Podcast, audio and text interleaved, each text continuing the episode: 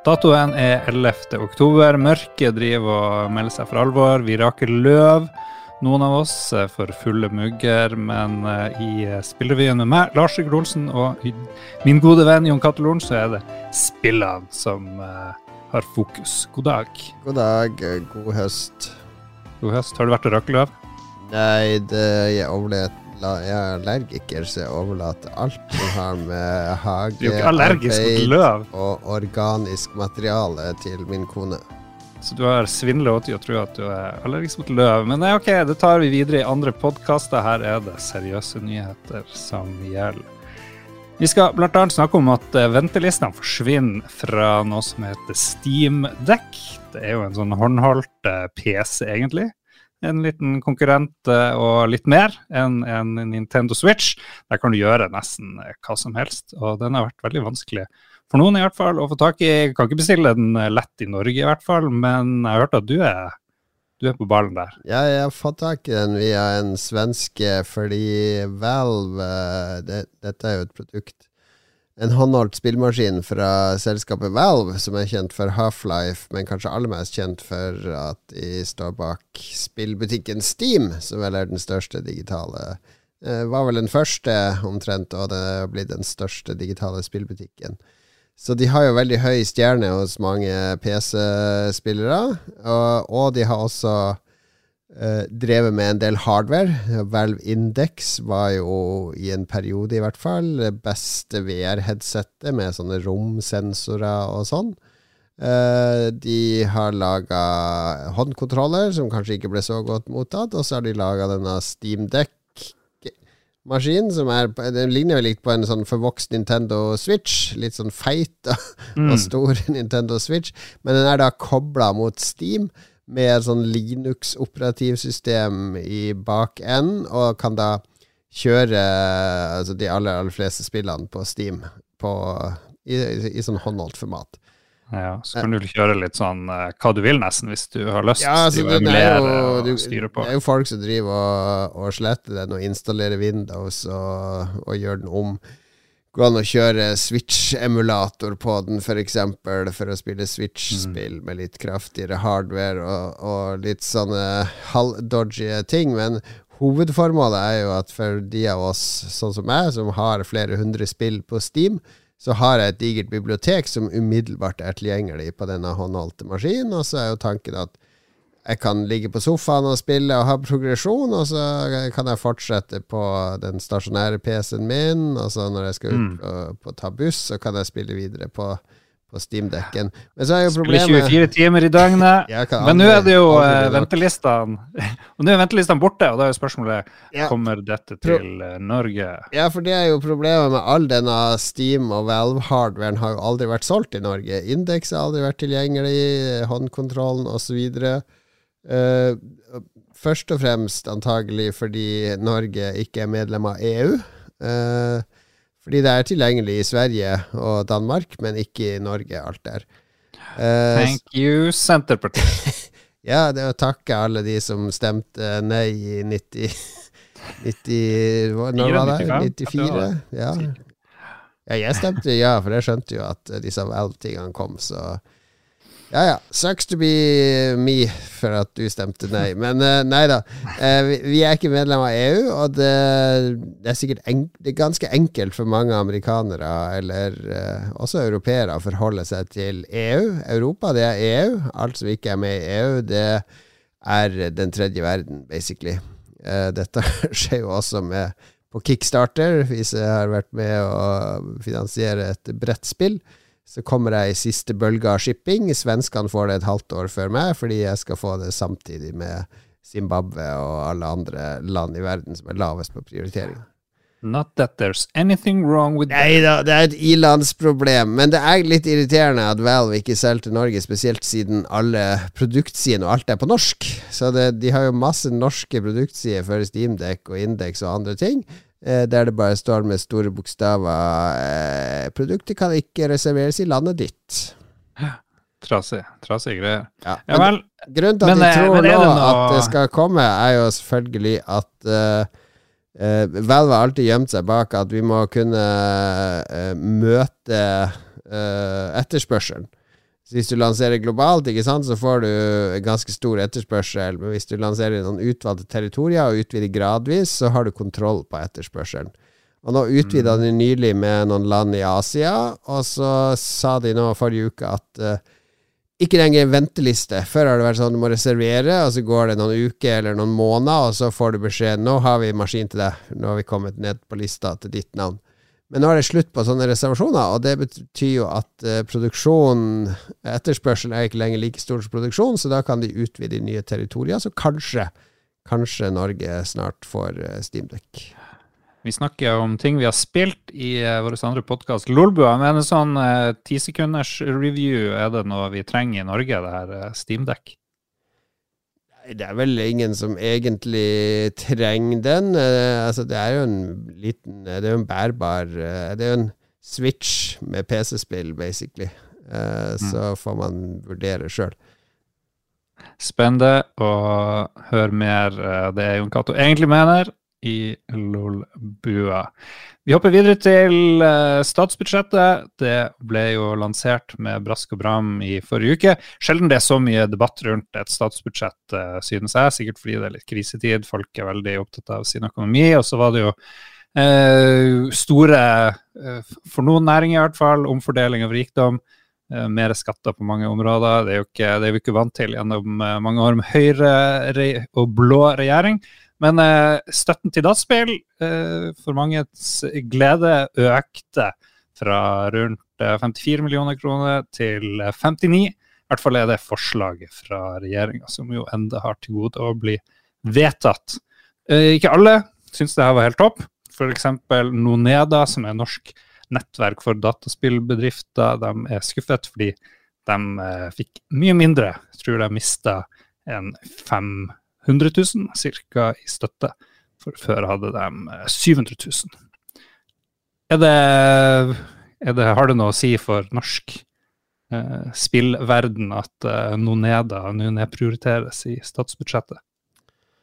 Eh, nei, altså Noneda er jo eh, de, de, har fått en del støtte fra Bergen kommune, og har vel brukt noen år på å finne ut finne hva deres plass skal være, og har uh, på en måte, føler jeg, da, funnet en slags retning med at de skal være et nettverk for dataspillbedrifter som er litt annerledes enn Virke, som er en sånn arbeidsgiverorganisasjon for de uh, sjefene i spillselskapene er gjerne med der, og kan nettverke og, og dele erfaringer og få hjelp og støtte der.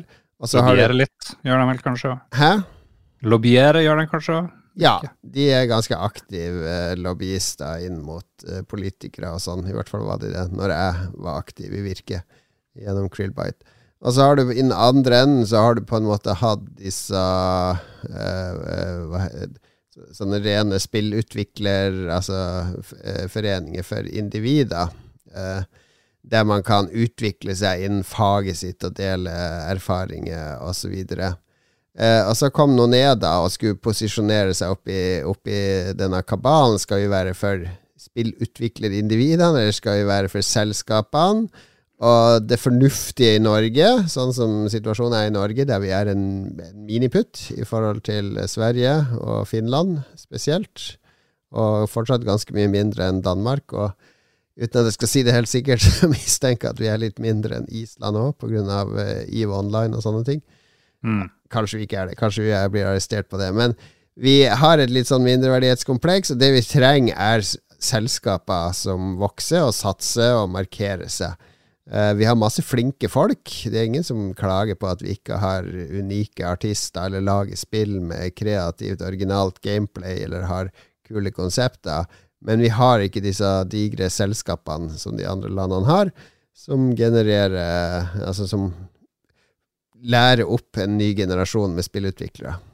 Mm. Så Noneda har posisjonert seg i det sjiktet. Ikke gjøre det samme som Virke, men uh, altså prøve å, å, skape vekst og forståelse, bygge broer mot investormiljø osv., osv., så sånn som jeg har forstått det.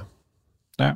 Nei, men da skjønner jeg jo at de er skuffa, at det kan høres ut som det er en fornuftig, fornuftig organisasjon.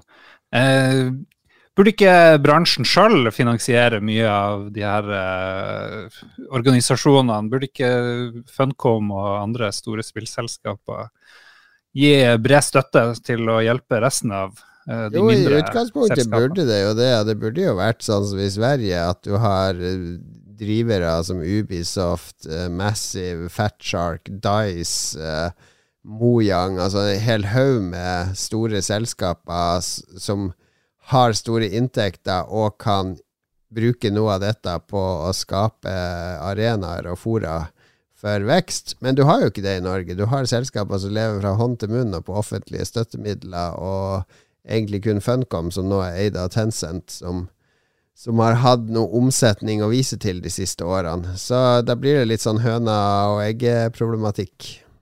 Ja. All right. Da får vi bare vente på den, den, store hiten, det store selskapet.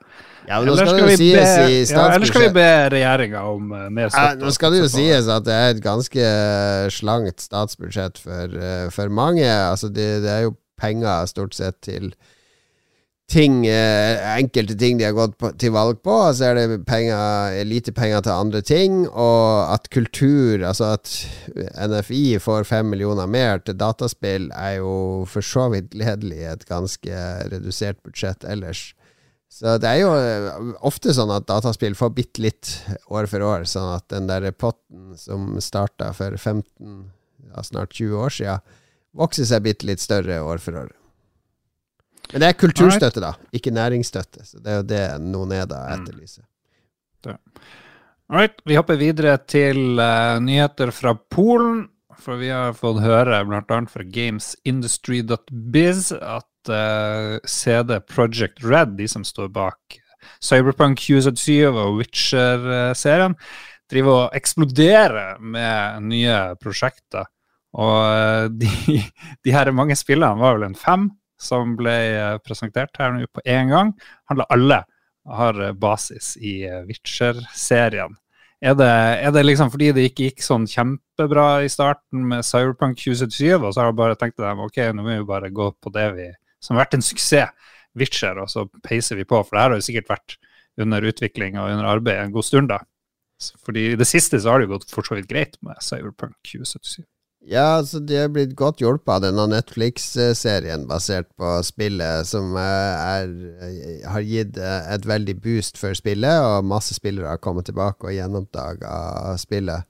Pluss at de kommer med en stor DLC til spillet på nyåret, med masse nytt story-content osv. Så, videre. så de har litt medvind akkurat nå med Cyberpunk. De er blitt tilgitt av mange. Uh, og det har uh, ført til at de det er mer sånn positivt fokus på de, og da tror jeg de har smidd mens jernet er varmt og sagt her er våre femårs-, tiårsplaner, som eh, i hvert fall ifølge Games, Games Industry har ført til at eh, aksjeverdien deres har økt nå, etter at de mm. gikk ut med disse ambisiøse planene. Det er jo veldig ambisiøse planer de går ut med. da. Ja, skal vi se, ny trilogi av Witcher-spill er noe. De har et nytt eget fullverdig Witcher-spill. Og så har de eh, noe som heter Polaris. Aner ikke hva det er for noe. Uh, og så er det Project Sirius og Hadar. Og er det realistisk at det kommer så mye Witcher-spill? Det virker jo Ja, altså du har jo Witcher-spill. Har et kortspill som er spin-off av Witcher-serien, og du har noen sånne andre sånne mindre spin-off. Så noe av dette er nok mindre avgrensa spill. Men sånn som dette Canis Majoris skal, skal være et fullverdig Witcher-spill, separat fra den nye sagaen, og Polaris skal være trippel A, RPG, ny trilogi med Witcher osv. Så, videre. så det er jo eh, Og Project Orion er et helt nytt cyberpunk-spill. Så det er jo gigantiske spill de skal lage, men samtidig, så, et, så vidt jeg har skjønt, så går de bort fra den der uh, Red Engine, som er den hjemmelaga spillmotoren som har vært uh, i backen til uh, både Witcher og Cyberpunk. Um, og, og, de går over til Unreal. Og det, der sparer de jo en del ressurser, fordi de, ved å bruke et system som Unreal Det er ikke sånn at du, det blir dritenkelt å lage spill for det. De må fortsatt ha noen hundre folk til å lage det. Men uh, de, de, de, sparer nok en del utvikling på å ikke trenge å vedlikeholde og oppdatere sin egen spillmotor i backen, mm. samtidig som de skal lage spill oppå den. Så det, det, er et smart steg. Er det litt feigt å bare liksom gå all in på Witcher? Troppe nye ting, liksom? Ja, men det, Witcher òg har jo veldig medvind, fordi det er vel en ny sesong som skal ut på Netflix, og sesonger blir ikke fornya på Netflix uten at mange folk ser på det. Så det er jo veldig dumt å ikke lage mer i Witcher-universet når eh, Netflix De har helt sikkert truffet masse folk på Netflix som ikke har noe forhold til spillene også, ikke sant? så de ser på mm. muligheten her til å, til å utvide serien til et enda større publikum. Så og så er det jo De har jo annonsert noe helt nytt òg. Project Hater, en helt ny IP som er i konseptuell fase akkurat nå. Eh, det, du klarer ikke å generere noe interesse hos investorer med å annonsere noe helt nytt og ukjent. Det er jo det som er problemet med å tiltrekke mm. seg eh, penger og interesse og øke aksjeverdien, er jo at folk setter jo penger på det de mener er det er bankers med nytt Witcher-spill. Nå er rentene på tur opp i omtrent hele verden. Prisstigninga er den høyeste nå på veldig, veldig, veldig mange år. Folk blir å få litt mindre penger. Huskjøp ventes å gå litt tregere, eller salg i hvert fall av hus. Og vil det her påvirke spilløkonomien i noe særlig grad, tror du? Er den liksom isolert? Kommer vi bare til å tenke vi må ha litt sånn comfort og sitte og game litt i elendigheten, krig og Nei, den er jo ikke isolert, uh, sånn at uh, folk må jo kutte luksusgoder. For mange er jo spill, og kanskje dyre spill, et uh, luksusgode. Så det er jo noe som spillutviklere er nødt til å følge med på. For den krise er jo mye større enn man tror. Jeg satt og leste tidligere i dag om strømsparingsråd for engelskmenn. Altså hvis du skrur på vertical sync på et PC-spill, så bruker du 30, 30 mindre strøm enn hvis du har det av. Altså hvilke settings i, i spillene gjør at uh, grafikkortet ditt ikke går, fullt, går for fullt, sånn at du kan bruke mindre strøm når du spiller. Sånne artikler var utenkelig for et år siden, men de, de er relevante nå, ikke sant? Ja. Så det vil jo komme til et punkt Altså Folk vil ikke slutte å spille, men de vil se du, Nå har ikke jeg råd til å bruke 500 kroner i måneden på spill lenger. Mitt budsjett er nå en 50-lapp. Hva er det som kan gi meg spillunderholdninga mi for en 50-lapp? Og da må markedet altså, det, det, får du jo hvis du leter, hvis du firer på kravene dine. Ja. Nå kjenner jeg jo ingen som driver og uh, miner bitcoins uh, heftig. Jeg hadde sikkert tenkt litt annerledes hvis jeg gjorde det, men jeg tenker aldri så galt at det ikke er godt for noe. Nå blir vi vel kvitt den energisluken av det totalt ubrukelige kryptocurrencies uh, i dagens høye strømprisregime. Så det er jo en, altså, sånn jeg, en fin oppside. Sånn som jeg har skjønt det, så er det markedet helt dødt nå. De som drev med rigga, har prøver å selge desperat. Så det er ikke mulig å tjene penger på det lenger. Jeg kjøper gjerne 10 30 90 billig. Ta kontakt. All right, det var de nyhetene vi syns var verdt å nevne denne uka her. Vi får av og til tips. Eh, ikke alle vi rekker over, men vi setter stor pris på det. Bare ta kontakt med Jon Cato eller meg, Lars Rikard, så er vi veldig, veldig glad for å få høre hva du mener er viktig. og hvem vi bør prate med, osv. Vi bruker å avslutte sendingen med to ting. Det ene er jo nye spill. Her er en lang liste, Jon Cato. Nei, er, jeg har ikke klart å finne noe særlig What? som jeg har lyst til å løfte fram. Det er noe sånn halvdodgy indie-spill. Altså Hvis det kommer noen norske spill nå som jeg ikke Som jeg har oversett, og dere føler dere fornærma nå, så beklager. Men Min oversikt eh, viser lite, lite spennende. Det er et spill som heter Scorn, som fikk litt oppmerksomhet i sommer. Det er et sånn horrorspill som er altså en rip-off av HR eh, Giger. Han, eh, den sveitsiske kunstneren som uh, designa alien-monstre og, og, litt sånn.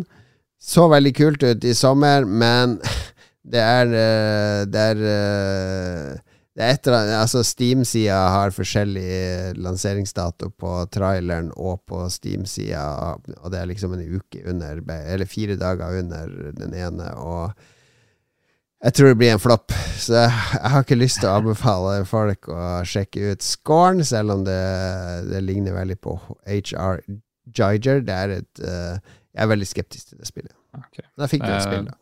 Der fikk vi et spill. Og Killer in the Cabin ser jeg, det er jo norsk, har kommet med en Halloween-update. Og så sa jeg noen Det kan vi jo anbefale, for der er jo jeg en spillbar karakter i spillet. ja, du fikk det i 50-årsgave. Det er veldig artig. Og så har det kommet et spill som heter Nonno Lorenzo.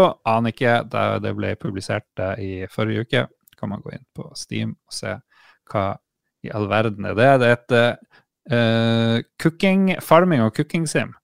Eh, Nono Lorenzo, siden du heter Lorentzen, så burde jo det være egentlig Ja, når, Vi kan ikke ha det som krav for at spill skal bli nevnt her. det var derfor jeg nevnte det.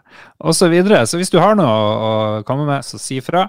Ellers så åpner vi nå spalten Jon Cato anbefaler ting basert på veldig kort forberedelse. Hva er det vi skal gjøre neste uke frem til neste spillrevyen?